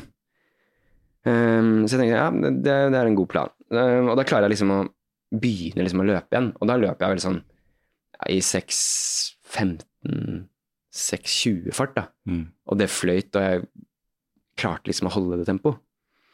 Uh, var du klar over hvem de rundt deg som lå foran, var da? Ja, jeg visste at han som lå på visste godt hvem han som lå på andreplass var. Mm. Han som lå på tredjeplassen, han hadde brutt. Mm -hmm. Det var en engelskmann. Jeg tror egentlig at bare han skulle løpe få god tid på 100 miles eller noe sånt. -hmm. Mm. Så han var liksom, han brøyt, så da var det han som var på tredjeplass, da tok jeg den igjen, og så var det en en, en 18-åring med navn Alfons, mm. um, som hadde løpt veldig bra. På tolvtimer. Han hadde sagt, satt verdensrekord for en 18-åring på tolvtimersløp. Løpt over 130 km. Mm. Eh, og han holdt fortsatt noe driv, men han var ganske sliten. Mm. Så jeg begynte å spise inn på han. da. Han lå ganske langt foran meg. Så hvis, hvis jeg, jeg hadde 100, han lå 13 km foran meg da, uh, ved passering tolvtimers. Så jeg, jeg, hadde spist inn på han sånn litt og litt, og, og lå sånn ja, seks kilometer kanskje bak han. Mm. Men spiste godt innpå han, da. Det var han som lå på andre? Ja. Og så mm. var det også en fyr bak meg som jeg la merke til at han begynte å løpe på meg fordi han så at jeg gikk. Mm. Så han var også interessert i pallen. Mm -hmm. Så han begynte å løpe på meg, da. Eh, og da, jeg sånn, jeg, da kjente jeg at jeg ble sånn irritert, fordi han skulle ikke ta meg på noen som helst måte. så jeg, jeg, bare tenkte sånn, jeg skal eie deg så hardt at du aldri tar meg igjen på noen som helst måte. Det ga meg ekstremt mye motivasjon. Ja, det er bra. Skikkelig Jeg, bare, sånn, jeg løp forbi han, så bare ja. der kom det. Der kom det. Endelig. endelig. endelig. Nå er vi litt i sonen, iallfall. Ja, ja. Og da merker jeg liksom at Ranveig også våkner. Altså, hun har hatt nok å gjøre. Hun har, altså, ved siden av å supportere meg, mm. så har hun også passet tre barn. Mm. Og hun har ikke sovet noen ting. Nei. Så og de har ligget til Ja, de ligger og sover da, i ja. hallen der. Ja. Så hun har, hun har, egentlig passet fire unger, da. Mm. En som er våken, mm. og som sutrer mm. og sier synd på seg selv, og tre som sover. så altså, all ære til henne, jeg skjønner ikke hvordan hun får det til. Um, men hun er god på det, tydeligvis. Hæ? Ja, hun er god på det, tydeligvis. Ja, hun er sterk, altså. Herre min. Ja. Uh, så hun driver og pisker meg rundt der, da. Og, men jeg merker at sant, når hun sier at jeg kommer i gang med løping igjen, så blir også hun litt mer sånn motivert for å liksom supportere meg òg, da. Mm. Så hun, hun pusher mer næring, og hun pusher drikke, og er opptatt av liksom at jeg skal få i meg ting. Mm. Så jeg får noen sånne koffeinpiller, og jeg får sånn uh, cramp fix, eh, og hun fòrer på med det jevnlig, da. Mm. Og liksom endelig så føler jeg liksom at kroppen tar til seg litt, og at det er litt gøy, da, Mm. det jeg driver med. Og spesielt siden jeg begynner å ta inn han, han derre Alfons. Mm. Jeg ser at uh, førsteplassen begynner å tenke litt på den også, men jeg ser at den har jeg surra bort for lenge siden. Mm. Så den kan jeg bare drite i. Men andreplassen, den, den er mulig å ta, da. Og jeg ser også at han eh, 18-åringen han blir mer og mer sliten. eh, begynner etter hvert å legge seg ned. Og jeg spiser mer og mer innpå. Og til slutt så er jeg liksom da Jeg tror det er to timer før slutt. Mm. Så har jeg andreplassen. Mm. Og da er, men da er jeg også ganske sliten. Men samtidig så er det derre Da må jeg liksom jobbe. Mm. Jeg kan ikke stoppe å løpe. Mm. For da kommer han som er interessert i å ta pallen, pluss han Alfons, da. Jeg har to bak meg som driver og jager. Så jeg kan liksom ikke slutte. Og det hjelper meg veldig, og det hjelper Eller får meg til å holde meg gående. Og så ser jeg også at jeg klarer 200 km. Mm. Så jeg tenker sånn, ja, men det er jo Altså, jeg hadde ikke Altså, jeg var fornøyd med å løpe 100 km, og nå har jeg fått opp til dobbelt av det. Ja. Det er jo ganske bra. Og ok, jeg, målet var 225, men det der er en skikkelig drittdag, liksom. Mm. Jeg har aldri, aldri, aldri, aldri gravd så dypt noensinne. Mm. Men jeg klarer liksom å grave, Mm. og det var skikkelig gøy. Mm. Og jeg kjenner på at jeg klav klarte det. Mm. Å gå ordentlig ned i kjelleren, Mm. og bare stå i det, liksom. Og presse meg selv da, Mm. til to, over 210 km. Som jo bare er 5 km bak pers. På en skikkelig drittdag. Det var litt gøy. Var Og så begynner jeg å er så sinnssykt rørt òg, ikke sant. Jeg bare kjenner liksom det følelsen bare åh. Mot slutten der. Ja, ja, det bare svulmer opp i meg. Nesten sånn Jeg kjente noe av det samme som jeg kjente på i, i Hellas Ja, før. Og det er sånn Det er godt å kjenne på, da. Ja, ja, ja. Og Så du fikk en liten får- Jeg fikk en eh, boost der. Sånn. Jeg kjenner liksom at dette er jo, det her er jo gøy. Det er den følelsen du savna, da. Ja, jeg savna den følelsen der.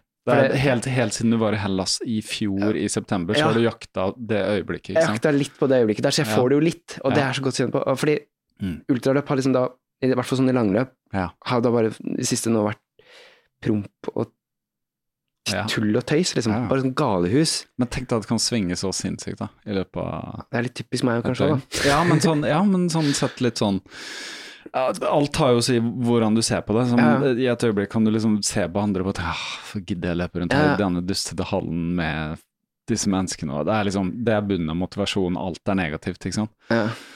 Og så står du i det lenge, og så etter hvert så kommer litt den der energien. Som men- er den positive energien. Men det, du beviser jo også bare at jeg, jeg kunne Ja, ha gjort det så mye bedre. du kunne ha gjort så mye Fordi bedre. jeg, jeg surrer bort løpet Ja, du surrer ved å synes synd på meg selv. Altså, det er ingen grunn til at jeg ikke skal klare å løpe i den farta som jeg gjør mot slutten her. Er, Men du liker jo ikke å ikke være i godt slag, liksom. Nei, jeg hater det. Ja, Jeg, jeg må liksom ha sånn, det må være perfekt. Jeg kjenner, jeg, jeg kjenner meg veldig igjen i det samme, da. Ja. jeg, jeg tror jeg har blitt bedre kanskje fordi jeg er eldre enn deg, men jeg har også vært veldig mye sånn Det har ikke hatt så mye med løp å gjøre, men mer sånn i livet sånn åh, Blir veldig klagete hvis jeg er syk, ikke sant. Mm. Du vet sånn typisk man-flu og sånne ting. Ja, ikke sant? ja. At man er den der syns synd på seg, men det er liksom en periode man må litt igjennom, og så Ja. Men jeg tenkte også på Simen underveis, for Simen er jo sånn ekstremt god, god på liksom å grave, da. Han er det. Men Han så, er sånn, kanskje men så ble jeg sånn der, ok, tenk på Simen, tenk på hvor flink Simen er, og tenk på hva Mm. Simen har sagt. Tenk, Simen har pusha deg liksom, til å liksom, bli litt flinkere på å stå i smerten, og så bare tenk sånn, jeg driter i Ja. hva Simen sier. Ja. Jeg har ikke lyst til å stå i smerten. Jeg har lyst til å sitte hjemme og spille PlayStation 5. Jeg har lyst til å ligge i badekaret. Jeg har lyst til å, Ja. jeg har lyst til å drive pappablogg. Ja. Jeg har lyst til å drive matblogg, til og med. Eller Alt annet med for å slippe å løpe. Ja, begynne med sånn derre Hva heter det for noe? Oi! Var det, Nei, det var Siri. Det var Siri, ja.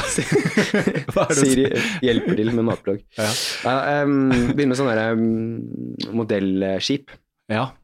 Modellbygging. Modellbygging. Det er så mye man kan drive med Mye istedenfor å man løpe kan drive rundt. med istedenfor den idiotiske Ja. greiene der. Men jeg klarte i hvert fall da å grave litt de siste seks timene. Og ble faktisk, når jeg var kommet mål. Og du tok han Alfons uh, Jeg tok han Alfons. Ja. Jeg ble nummer to. Mm. Jeg slo han med um, tre kilometer. Ja, Men du tok han. Tok jævlig han. godt jobba han, da, uansett. Sinnssykt bra, han altså. Ja, 18-åring. 18 år bare. Wow. 207,5 km. Ja. Svenske. Svenske. Han er uh, han Så sikkert- kudos til han. Han var tøff. Snakka du med han da, etterpå? Uh, han var helt uh, ødelagt. Ja, han var det. Han, altså, den pallen der er kanskje noe av det mm, slappeste jeg har sett. Altså, Ja, han satt på en stol og holdt på å kaste opp. Oi, oi, oi. Og uh, han, han som kom på førsteplass, han fikk drypp. oi. Ja. For han var helt Han svima nesten av. Ikke Oi, shit, så han Så bare lå han, der ja, ambulansepersonell drev og liksom? Ja, han Ja. fikk intravenøst Oi, oi, og, og hjelp av, uh, av lege. shit. Så jeg, men jeg var den eneste som sto, da. Mm. Og det sier jo litt at jeg er den eneste av de der som ikke tok den helt ut. Mhm. For jeg var så feig. Ja. Jeg var feig igjen. Igjen var det feil. Igjen var jeg feig. Sånn ja, det. men vi skal jobbe litt med det der. Med det. Uh, ja da, men det Men altså, ja. Men jeg kasta opp, da, så det var litt synd på meg. Du kasta opp. Ja. du var kvalm. Jeg pleier aldri å kaste opp ultraløp. Uff da. Men det er en erfaring rikere, da. Ja. Og du fikk liksom redda sesongen inn. Du klarte ikke 2,20, så 2,25. var det kravet. 2,25. 2,25. 2,25. Nei, men det får stå der som en annen milepæl. Ja. Uh, ja. Jeg klapp på skuldra herfra. Jævlig godt jobba, altså. Det må jeg si. Selv om uh, Ja, det er jo morsomt når du forteller hvor sutrete du er, da. Men jeg pleier egentlig ikke Det er noe nytt. det er noe nytt, ja. Kanskje, kanskje jeg alltid har vært sutrete. Kanskje må henge med mer sånne hardass sånne tøffinger, istedenfor Ja. å være i barnehagen med mye sånn Ja. sutrete unger. det er litt sånn, man blir litt sånn som de man henger med, vet du. Det er sikkert det. Ja, du får ta et sånn tøffen opp-kurs. Mm. Sånn, Men jeg har tatoveringer, da. Ja, det har du. Det. Neida, men det, vet du hva, du har eh, du, du har liksom ikke tatt ut potensialet, og det vet jeg jo Nei, jeg Simen er opptatt av, og han sier jo du er ung, og han ler litt og sånn. Ja, Simen sier det. Det er Ja. godt å ha gode venner som sier at Ja, du er fortsatt ung, Ja. og jeg kjenner jo selv at jeg har veldig mye mer å gi på et 24-timersløp. du har det. Det handler bare om at jeg må bli litt tøffere i hodet, Mm, og ikke så myk. mm. Kanskje må slutte å Altså, kanskje folk må slutte å puse sånn med meg. Ja. Kanskje jeg blir for mye pusa med. Kan Kanskje. Stine puser for meg, hun puser ikke for mye med meg. Stine er ganske hard, Ja. Så det er egentlig bare jeg som er Kanskje det er det. Han, hun er for hard, så du trenger Ja. noen andre som kan puse med deg. Alle bare så harde Du med søker til 24 timer for å få litt sånn omsorg. jeg gjør heller det. Kanskje jeg puser for mye med meg selv. Ja, det kan være. Nei, vet du hva, Det er mye å jobbe med, men som du vet, det, er, det sitter jo oppi hodet. Uh, men nå skal det jo sies at du har hatt et litt røft år sånn sett med Det har vært sykdom og sånn, så Ja. du gjorde tross alt nå en jævlig god prestasjon, kommet ut av sykdom. Jeg vet at du ble syk når du kom hjem igjen, for du hadde Mm. kjørt deg litt i kjelleren. Så tross alt, jeg vil si det her var en seier. Uh, når du sier at du har aldri gravd så dypt, så uh, ja, nei, så stemmer vel det. Jeg har ikke det, altså. Altså, altså Spartatlon eh, 2021 var liksom, i forhold, en walk in the park. Ja. Og hadde jeg hatt de beina jeg hadde på Spartatlon i 2021, Mm. så hadde jeg i hvert fall løpt 230 km. Ja. Det er ikke snakk om noe annet, altså. Wow. Det er jeg helt sikker på. Så det, det, det er potensial. Jeg vet i hvert fall at jeg ligger opp mot 230. Ja. Og kanskje også 240 hvis jeg har dagen og Ja. får trent og gjort tingene mine ordentlig. Så det, det er det som er målet, da. Å klare 240 km. Ja. Det En, en dag så, så skjer det. Mm. Uh, det blir vel Bislett på deg neste år. Det kommer jo alltid litt i konflikt med den her Spartatland, da, virker det som. Men uh, okay. Men det er, det er NM, da, på 24 timer. Så ja, det er det. 17. juni. Så den Altså, jeg I tar hell fikk ja, jeg hell, og jeg tar tilbake alt jeg sa. Jeg sa sånn Jeg skal aldri løpe 24 timer igjen, og jeg skal aldri løpe Spartatlon. mm.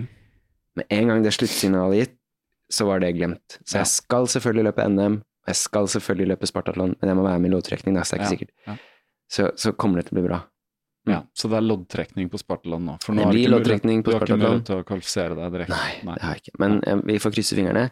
Og, så, og hvis ikke, så skal jeg i hvert fall, hvert fall, hvert fall, hvert fall klare Jeg har sagt det her, så må jeg gjøre det. Mm.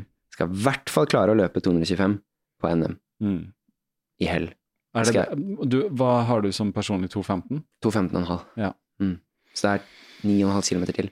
Det Skal jeg klare, altså. Ja, det, Skal det er ikke mye øking av farta, eller ikke surre så lenge på do, eller Nei. ikke gjøre ditt og ikke gjøre datt, altså. Slutte å synes synd på seg selv, så Ja. er det de siste ti der. Ja, Ok, men jævlig bra. Uh, så da er vi ø, til dags dato, uh, faktisk. Ja. Ting, bare en liten notis her nå. Uh, nå har vi lovt vekk eh, både del én og del to her. Eh, vi sitter nede på Deichman og kom ikke i gang klokka fire. Jeg, hadde, jeg har booka til seks. Og det var bare fordi at det var noen som har booka etterpå. Nå er bare for uh, syns skyld klokka halv seks. Ja. Uh, jeg vet ikke om det kommer til å dukke noen opp utenfor det rommet her. Um, Men uh, la oss håpe at de ikke gjør det. Men hvis de gjør det, så må vi Vi krysser fingrene. ja. Så vi har jo mulighet til å sitte Jeg trenger ikke være noe sted rett etterpå. Uh, ja, så satt vi jo her og planla litt for, i forkant av det vi gjorde. Vi surra oss litt bort i prating om både fotball-VM og det ene og det andre. Men uh, utenom løpingen i, i, år, liksom. Hvis uh, jeg sa til deg sånn først, hvis jeg stripper deg liksom for den løpeidentiteten. Ja. Du har sånn borrelås for du står og ultraløper, men den bare tar jeg av sånn rich. Mm. Bare kaster jeg den. Hvem er det da? Nei, da er jeg ganske hul og kjedelig løk. Ja. Nei, ja. Det er sånn hvis vi, ja, begynner å strippe løken for lag. Hva er det som fins på innsiden? Ja, hva fins det der? Uh, nei, jeg Det er litt for å komme sånn inn på hva, hva, er det, når ikke du tenker løping, hva er det som surrer opp i hodet? Det, det, er jo sånn selvfølgelig det er familie og mm. pappabloggen, da. Ja. Pappa Lilly. Hva har du lyst til å skrive om, da? Uh, masse rart. Ja. Pappa Lilly på butikken. Ser du på liksom dette fjerde barnet og tenker sånn så underlig disse små menneskene. Der er en til, liksom. Hvordan er det egentlig å være pappa på nytt nå? Jeg, må si jeg blir veldig betatt da, ja. av henne. Så Det er jævlig gøy med ja, det, er, det er veldig morsomt å se. Jeg, jeg, opplever, altså jeg er pappa på en helt annen måte nå enn jeg har vært før. da. Ja. Så det, det, er en veldig fin ting. Nei, så Vi har jo sikkert en fremtid, vi to. da. Pappa mm. og Lilly med mm. diverse ting. Mm -hmm. Ellers så er det jo selvfølgelig jobben. Den tar jo også mye tid. Ja. Du er på, tross alt bestyrer, og det er ja, mye ansvar. Så jeg er jo veldig glad i jobben min og mm. det å være barnehagestyrer. Um, det er nok å henge fingrene i der. Mm. Um, Ellers så er det jo musikk, da. Som, jeg jobber jo i musikkbarnehage også. Men ja. sånn på privaten så er det Jeg hører mye på musikk. Mm. Uh, bruker mye tid på det. Jeg har også vært innom en kul uh, Ja, på Øyafestivalen. Ja. Eh, så Gorillas eh, live. Du fikk med deg Gorillas. Det var veldig kult. Ja. Jeg har hørt på de siden jeg var 13-14 ja. år. Så det var en opplevelse. Jeg hadde også med datteren min der. Eh, jeg tror også hun syntes det var Kult. noe av det kulere som har skjedd da, i 2022. Ja, Kult kunne gå med sin datter, da. Hvor gammel er hun blitt da? Hun er 13. Ja. ja det, men det var første liksom, store konsertopplevelsen hennes, da. Eller mm. hvert fall sånn med festival og sånn. Mm. Uh, det er ganske var... stort der med den store scenen på øya. Det ja, er ja. for god festivalfølelse, altså. Men jeg følte liksom at det gikk fint å ha med barn der også. Selv om Jeg har ikke hatt med barna etter jeg ble stor, men jeg husker et år så tok jeg med Sianda som var liten, med mm. sånn svært sånn, der, eh, sånn eh, hørselvern og satt på skuldrene og sånn. Det var når det var, det var nede i middelalderparken. Mm. Så, men ikke, hun er jo også 13 og kunne vært med nå, men uh, neste år da på Gorillas, ja, kanskje. Ja, Gorillas hadde jeg veldig lyst til å gå på i år. Ja, du var jo dagen etter, du. Jeg var dagen etter, og så var jeg også på lørdag. så for å, Egentlig så var jeg litt sånn vet du hva, Jeg skal ikke pushe så mye i forhold til familien. Jeg tenkte liksom, jeg skal ikke være borte tre dager og sånn. Det kunne sikkert gått bra, det også men uh, det ble med to for min del. Ja, du fikk to, du. Jeg fikk to dager. fordi bra. at Ja, fordi den ene første Altså, når jeg leste at Nick Cave skulle på Øya mm. I liksom november-desember i fjor, mm. da bare smukkjøpte jeg billett. Fordi jeg er stor Nick Cave-fan. Jeg har vært og sett Nick Cave før, i 1996, på ja. Kvarten. Oi. Det er jo helt, helt annen epoke, liksom. Da gikk jeg i barnehagen, da. Ja. Da var jeg, da, vet du hva, da var jeg i militæret. Da var jeg 20 år den sommeren. Ja. Eh, og da tok jeg fly fra Bodø til Oslo, videre til Kristiansand og gikk rett på konsert. Jeg tror jeg satt og drakk rødvin på fly, liksom. og var sånn vorspiel med meg sjøl. Og så møtte jeg noen venner og sånn, men det var liksom rett på Nick Cave. Jeg tror jeg og Nick Cave var liksom like fulle eh, den gang. Og i år så var vi liksom like sobre, da. Det var blitt eldre menn, og han er jo oppe i 60-åra nå, men han var helt formidabel på scenen. Han er jo helt utrolig. Han gir eh, virkelig alt, altså. Sånne musikkopplevelser er jo Ja, det er stort. Det var stort. Jeg mener at liksom, han er en av de store ja. nålevende artistene. da. Mm. Uh, for Han appellerer til mange, men det er liksom det han gjør, og han gjør sin helt egen greie nå. Uh, han bare følger Han har gitt ut en bok også, som jeg holder på å lese nå. Som er uh, ikke et memoar, som det står, men en conversation. i samtale med en journalist som er en venn av han. Under korona så har de lange telefonsamtaler. Så har de recorda, og så har de jeg har redigert en bok, da. Så det er jævlig gode samtaler, altså. Om ja. hans liv, og om kunsten, om musikken, hvor han skriver, hvor han jobber, hvor han tenker. Han snakker mye om live. Han snakker om at det er et helt spesiell eh, møte med publikum, og det han føler og sånn. Uh, og det han får tilbake, og det er veldig sånn Måten han beskriver det på, tror jeg er ganske unikt. Mm. Uh, han har jo en sånn Du snakker om blogg, eller han har en sånn nettside Kjenner du til den? Red, The Red Hand Files? Nei, den kjenner jeg ikke til. Nei, jeg skal bare nevne det. Han har en uh, nettside som egentlig bare er svar som han har gitt på spørsmål fra fansen. Ja.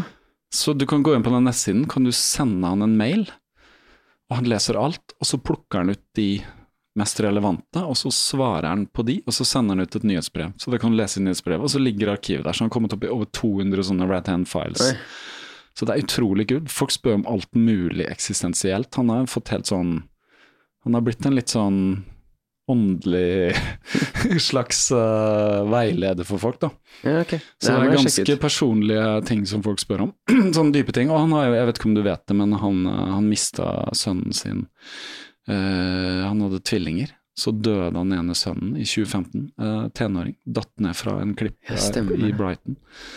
Det tror jeg faktisk jeg har hørt om. Ja, altså det var helt tragisk. Eh, Og så mista han sin andre sønn i år. Han var voksen i 30-åra, tror jeg, fra tidligere ekteskap i Australia. Eh, han tror jeg enten tok en overdose eller selvmord eller noe sånt. Så han har opplevd noe helt sinnssykt. Og det er lagd to dokumentarer om han, som er helt fantastiske. Lagd av en god uh, filmregissør i sort-hvitt, hvor det er liksom blanding av intervjuer og at han spiller musikk. Så ja. Han fått- mista sin andre sønn nå i 2022?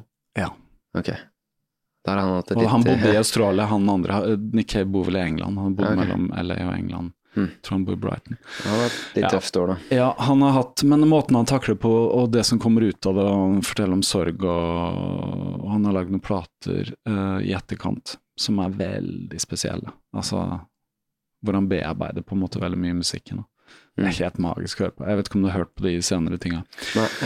Det, er- det det er jævlig fett. Enten så er du liksom med på det, eller så er du ikke.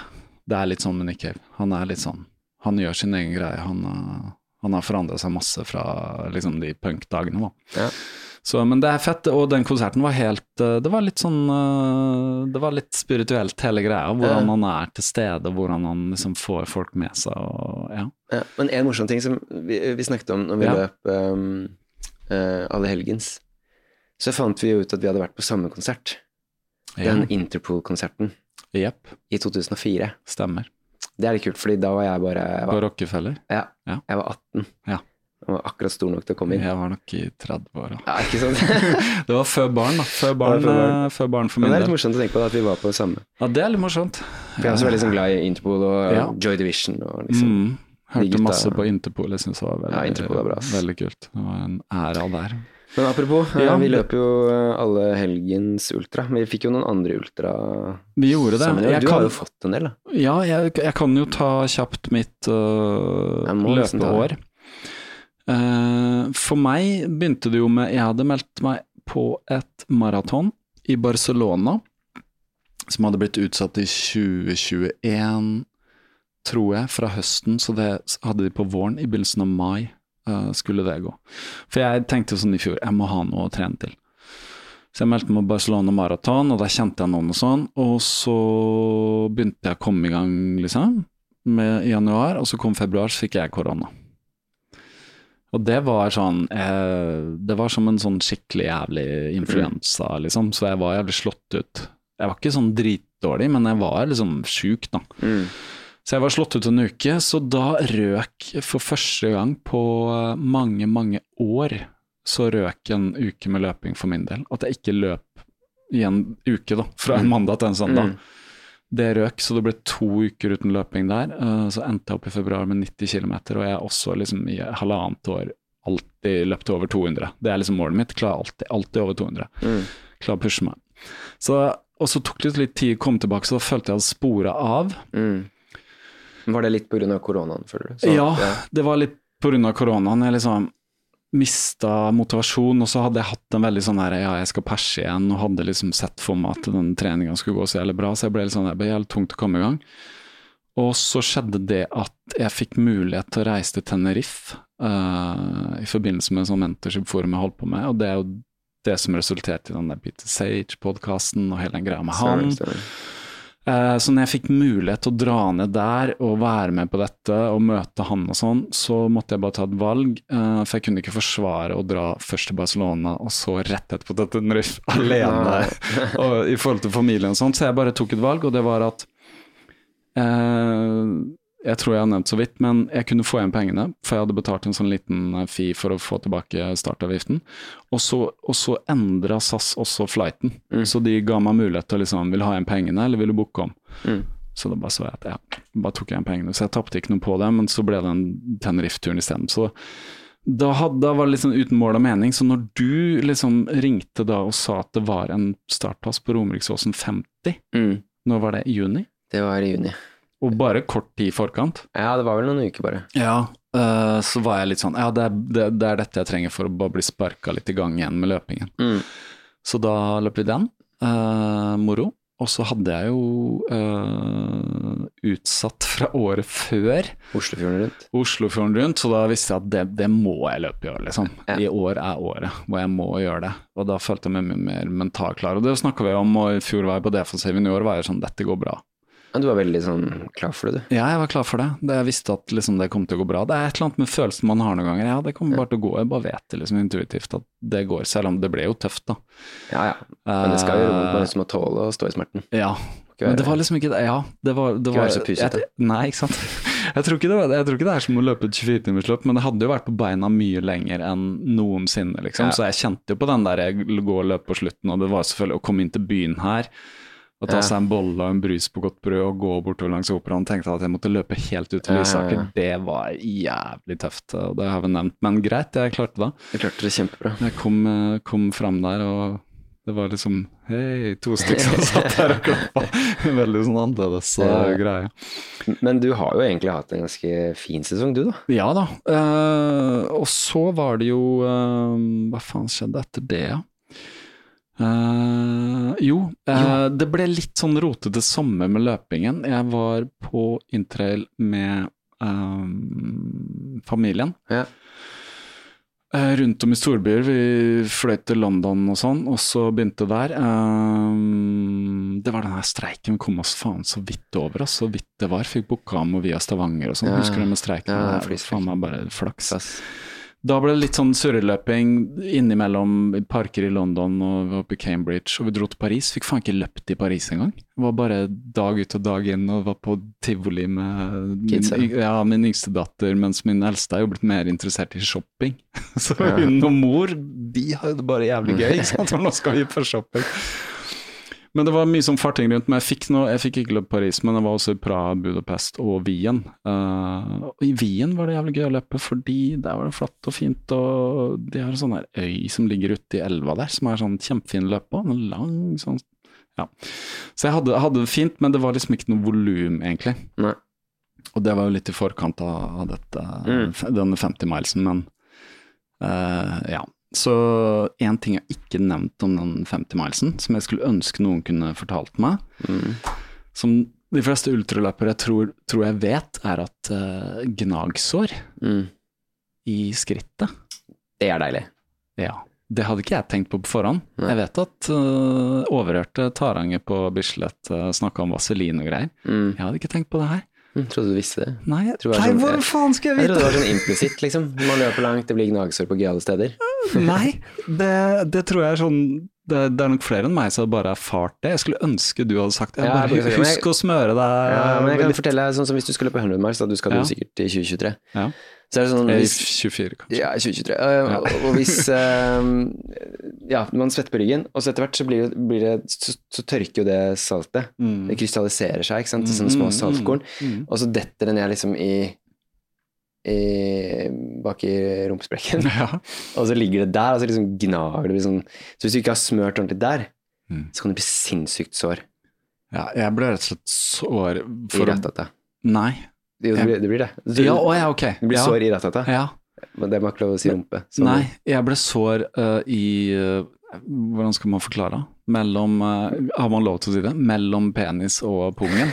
Der ble jeg jævlig sår, og det kjente jeg da jeg gikk i dusjen. Ja, ja. Hvor jævlig vondt Da lå det saltet der. Ja. Det er noe av det vondeste Det er ikke noe godt. Nei, det var eh, Så dette er sikkert mange som vet, men hvis ikke du vet og skal løpe langt, så er det greit å bare ha hørt det. Ja, men da vet du det. Ja, nå vet Så jeg det. du ha Det, det jeg kan anbefale, er altså selvfølgelig vaselin, funker fint, men Kavilon, Ja, barriere, er. Kavilon barrierekrem, Ja, ok. Ja. funker som bare det. Ja. Og det kan du bare smøre inn, og da får du ikke noen gnagsår. Uh, Ja, når jeg løp Spartatlon, eksempel, jeg hadde ikke ett eneste gnagsår. Ja, det er bra. Glemte på Ringerike sekstimers. Um, fikk skikkelig gnagsår under armhulen. Under armhulen? Ødela tatoveringen til og med. Au, wow. Nei, oh. Ja, så jeg måtte tilbake inn og fylle på og fikse og trikse. Ja, ja. Så Oi. sier, jo litt, da. At sånn salt kan være litt uh, Ja. farlig. Wow. Uh, ja, så det, så det har vært uh, litt mitt år, men fordi jeg da Jeg rota det litt til i uh, februar, litt i sommer. Jeg skal ikke si at jeg rota det til i sommer, men den februar som, uh, som ble sånn halvveis av hva den pleier å være, det fører til at jeg når ikke årets mål. Da. Ikke bare derfor, men uh, jeg, har, så, jeg har alltid et årsmål som er det samme som jeg løp året før. Da. Så Mm. prøver jeg å slå det. Jeg har klart hvert år så lenge jeg har løpt. Så lenge Strava har jeg har hatt Strava-konto. Men i år så er jeg 2750 km hadde jeg som mål. Og nå har jeg løpt eh, per dags dato 20. desember 2601. Så 149, det klarer jeg ikke nå på en Men dag. da er det jo kanskje et 24-timersløp som du kan melde deg på i Sverige, hvis du bare spør Bjørn Tore. Kanskje. Spør Simen. Romjuls... Nei, altså jeg skal aldri si aldri, men jeg har liksom en, en stund så trodde jeg kom til å klare det, og det har jeg glemt å si. Jeg eh, eh, slang meg på en runstreak, uh, og det var litt fordi at jeg hadde lyst til å se hvor lenge jeg kunne løpe antall dager òg. Så fra september helt til den allehelgensultra, da allehelgenshelgen, hvilken dato jeg husker ikke. Um, Det var den 20... 20. Nei, 30., var det ikke det? Ja. Jo, 30. Ja. oktober. Ja, ikke sant. Jeg klarte å løpe 50 dager på rad, og endte den 50. dagen med 50 km. Ok. Så det var derfor jeg var litt sliten også når vi starta det løpet. Uh, I tillegg, jeg, jeg skulle jo løpe dagen før, skulle jeg løpe Lillemarka rundt. Mm. Så hadde min datter hatt uh, vannkopper, oh. hun yngste.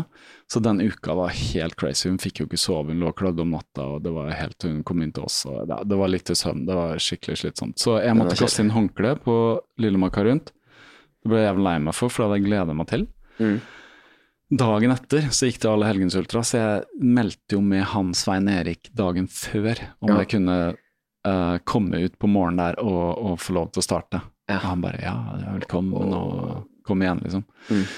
Uh, og så tenkte jeg ja, jeg kan ikke garantere noe, for jeg aner ikke hvor jeg sover i natt. Men jeg sov greit, kom opp om morgenen, var jævlig groggy, følte jeg hadde mye å hente inn, men fikk meg frokost. Skjønner at jeg må sykle ut der, da, for jeg er jo altfor sein til noen busser og sånn, så jeg sykler. Og har liksom tiden av veien, men presterer å sykle feil et sted eh, når jeg skulle opp til han, så jeg måtte bære sykkelen over noe gjerde, det var helt galskap. Så jeg kommer syklende med syre i beina oppover de oppoverbakkene Ja. idet dere skal starte. Ja. Det var liksom Ah, altså- tidenes entré på Altså, jeg den tror det er Du har kanskje den starten i år som er tettest på, da. Altså Ja. sånn, eller du var vel to minutter, da, Ja, før start, var du der. Så du rakk å rive av deg noen klær, og, ja, og så venta du. og så venta jeg. Men, det, men dette er jo litt sånn som jeg skjønner at jeg er. Det er aldri Jeg liksom beregner jo aldri veldig god tid til ting. Nei, du bomma nesten på bussen når du skulle løpe Romeriksåsen på langs. Nettopp. Uh, du satt og venta, liksom. Når det er 30 sekunder igjen, så sender du en tekstmelding. Er du her, eller bussen går, liksom? Ja, Eller så kommer du på sykkelen, vet du. Der er den, vet du. Kasta meg inn i bussen. Ja, det går bra, bare 30 sekunder. Rett på, altså. Det var 30 sekunder. Ja, det var det. 30 sekunder Det var senere så hadde du ikke rukket Romeriksåsen på langs. Altså, tenk deg den ultrasesongen din. Den har egentlig hengt inn veldig Det var veldig ikke fint. Romeriksåsen på langs, det var faktisk Har du Oslofjorden rundt? Det var Oslofjorden rundt. Ja. Romeriksåsen på langs, ja, da Da- Ja, da Ja. var vi rett på begge to. ja. Da jeg Da hadde vi litt bedre tid, for da møttes vi her nede, og da Ja. rakk vi å kjøpe kaffe og Ja, da alt hadde vi god mulig. tid, da. Ja, da har vi god tid. Eh, så ja da, jeg skjønner at dette er litt sånn mønster med meg, da. Jeg, ja. Så jeg, jeg vet det fra tidligere også. Det er Men- men det optimistisk si- på tid også. Du har jo hatt en fin sesong. Altså, har hatt- ja, du har har jo et... løpt noen ultra. Er ikke det tre eller fire ultra? Jo, uh, jeg teller Romeriksåsen 50 km, 50 miles og Jarl alle helgens Ja. ultra 50 miles, og um, uh, ja, Det kvalifiserer jo faktisk til uh, ultraløpsfatet, gjør det det? som er en sånn Ja, kondisutmerkelse. så gøy. så da kan du bestille deg det. Ja. Det syns jeg du burde gjøre. Så ja, uh, så det oppsummerer litt. Jeg, jeg, er fornøyd, jeg også. Men det som uh, er litt gøy å annonsere nå, er at nå har jeg meldt meg på et nytt maraton. Ja, det var i Det skal skje i Wien i Østerrike ja. neste år. I april. I april. 23. april. Uh, og det meldte jeg meg faktisk på, fordi jeg var nede hos Sondre her. Uh, han jeg var på Bob Dylan-konsert, også veldig, veldig gøy. Satt vi nede hos han og drakk litt vin og spiste før vi skulle reise, og så ah, meldte meg på. Uh, jeg skal løpe maraton og Wien og greier. Ja, bli med der. Så jeg bare, ja, tenkte jeg litt på det. Og så bare meldte jeg meg på, da uten å ha snakka med han først. Og så gikk det faen meg en måned eller noe sånt før jeg snakka med han igjen, og så sa jeg du, jeg meldte meg på det her, Å ja, ja, nei, nå, jeg måtte avlyse det, for jeg har en sånn konsertturné jeg må med en sånn Johnny Mitchell-tribute, da, da, da. Så jeg bare plutselig sto jeg der, å ja, faen, sier du det, ja. Ja ja, men da hadde jeg tok det på intuisjon, for at jeg sa, jeg var jo der i sommer og løp, og så tenkte jeg sånn, faen, her var det et eller annet. Mm. Så jeg bare fant ut, ja, jeg skal ned der. Um, så jeg har noe startplass. Kult. Så jeg begynte å tenke på det allerede, og så fikk jeg jo av Garmin en sånn Fenix uh, 7. Ja. Og når jeg plotta inn da at jeg skulle løpe maraton, så begynner jo den å gi meg sånn daglig forslag. Ja, så det er ganske avansert. Ja, så jeg har fått opp farta. Den har gitt meg både terskeløkter og anerobalt, så jeg har drevet og løpt uh, rundt her som en uh... Du blir farlig du i 2023. Ja, jeg blir det. Nei, men jeg har liksom, nå, nå, føler jeg at jeg restarter litt, da. Etter å liksom med koronaår surra litt og liksom kommet ut av den der uh, treninga, men liksom fått opp Ja, klart å løpe lenger og hele det her. Jeg håper ikke stenger her klokka seks, tror du det? Ja, nå vi er litt utkjøre med del to her, altså. Ja, vi får ta den bort på ja. Vi får gå bort ja, et sted. Ja, kan du bare ta det over telefonen i morgen. Ja. Uh, I verste fall. Um, ja, så, så, nå er det liksom Nå har jeg lyst til å perse på maraton igjen, men nå vet jeg hva som kreves for det, da. Mm ikke bare mye løping, men det er mye sånn det, det, må bli mer strukturert. Og jeg har masse planer neste år, og vi har masse planer for podkasten. Og jeg tenker jeg skal trene med styrke. Så man har bare lyst til å gjøre mer av alt. Så jeg fokuserer bare på det nå. Og så får jeg bare prøve å komme meg ned dit uh, og gjøre det. Mm. Uh, men det er motiverende, det også. Jeg merka det var gøy å løpe fart igjen. Jeg har vært inne på Bislett og ja. Blant annet så sier den klokka at jeg skulle løpe en anaerob økt. Åtte ganger ti sekunds sprint. Oi. Med tre minutter rolig imellom, så jeg endte opp med å løpe sånn rolig En runde på Bislett rolig er tre minutter. Ja, okay. Og så Så sier klokka det? Ja, den, den gir jo økten, ikke sant. Så den er sånn begynner å telle ned fra fem der. Dit, dit, dit. Og så la jeg det opp sånn akkurat da begynte jeg fra den klokkesvingen, vet du hva jeg mener? Mm, mm. Der var den store klokka her. Mm. Det var beina alt jeg hadde. Jeg vet ikke hvor langt jeg kom, 60-70 meter eller noe sånt på ti sekunder. Og så sier den når du skal stoppe? Og så er den ferdig, liksom. Ja. Og så er jeg rolig. Ja. Du har Garmin, jeg er Bjørn Tore, da. Hæ? Du har Garmin, jeg er Bjørn Tore. Ja, ikke sant. Så, så, det, så, det, har vært litt gøy, men jeg kjente at muskulært så var det jævlig krevende med sprinting, altså, for det har jeg ikke gjort på lenge. Så, ja, du trener en annen type muskel? Ja, det er helt annerledes. Jeg har vært støl, jeg. Det er bra, da. Det er ja. progresjon. Det er en slags progresjon, så jeg håper at vi kan melde litt sånn framover at uh, Ja. Jeg tror at uh, det vi sier nå, at uh, skal vi konkludere del én Det kan vi gjøre. Og så konkluderer vi med at 2022 bare var et sånt kom i gang-år. Ja. ja. Det var det det var. Ja, vi kan si sånn, det har vært litt sånn finne tilbake til uh, saker og ting. Jeg har, uh, jeg fikk ikke tid til å snakke om det, men jeg føler at på et personlig plan så har jeg kommet veldig langt med hva jeg har uh, holdt på med. Uh, det kan jeg bare komme tilbake til, men det har å gjøre med den Peter Sage og mm. hele det mentorship-forumet gikk gjennom sånn. Det har vært jævlig fett. Så jeg føler at det liksom har på en måte vært et, et slags fermenteringsår òg, hvor man liksom har mm. fermentert litt saker og ting uh, på innsiden. Uh, mm. Jeg har holdt surdeigsbraking en gang òg, altså. Det er bra. Ja da, den lever, den surdeigen. Så ja, bare så det er sagt. ja, for den snakka du mye om før, da. Ja, jeg gjorde det. Og å få en liten update på den. Ja, uh, så den, den gjelder ennå, så det er sånn Ja, jeg bakte her for ikke så lenge siden. Viktigste er å beholde den i live. For de som driver med det. Så ja, ja men det var 2022. Det var 2022, det. Vårt 2022. Det var det. Så tar vi en liten pause her nå, og så ser vi hva som skjer med del to. Takk for at uh, dere lyttet på. Uh, ønsker vi alle god jul. God jul.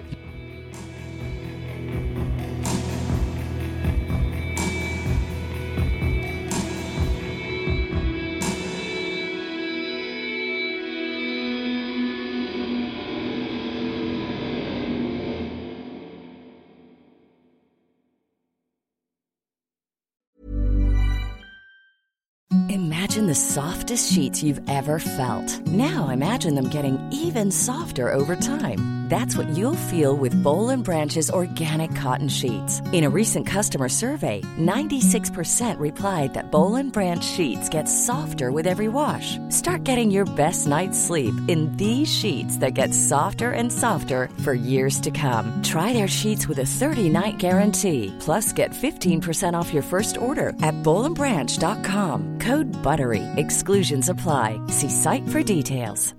Mom deserves the best, and there's no better place to shop for Mother's Day than Whole Foods Market. They're your destination for unbeatable savings, from premium gifts to show-stopping flowers and irresistible desserts. Start by saving 33% with Prime on all body care and candles. Then get a 15-stem bunch of tulips for just $9.99 each with Prime. Round out Mom's menu with festive rosé, irresistible berry chantilly cake, and more special treats. Come celebrate Mother's Day at Whole Foods Market. Even when we're on a budget, we still deserve nice things. Quince is a place to scoop up stunning high-end goods for 50 to 80% less than similar brands. They have buttery soft cashmere sweaters starting at $50, luxurious Italian leather bags, and so much more. Plus, Quince only works with factories that use safe, ethical, and responsible manufacturing. Get the high-end goods you'll love without the high price tag with Quince. Go to quince.com/style for free shipping and 365-day returns.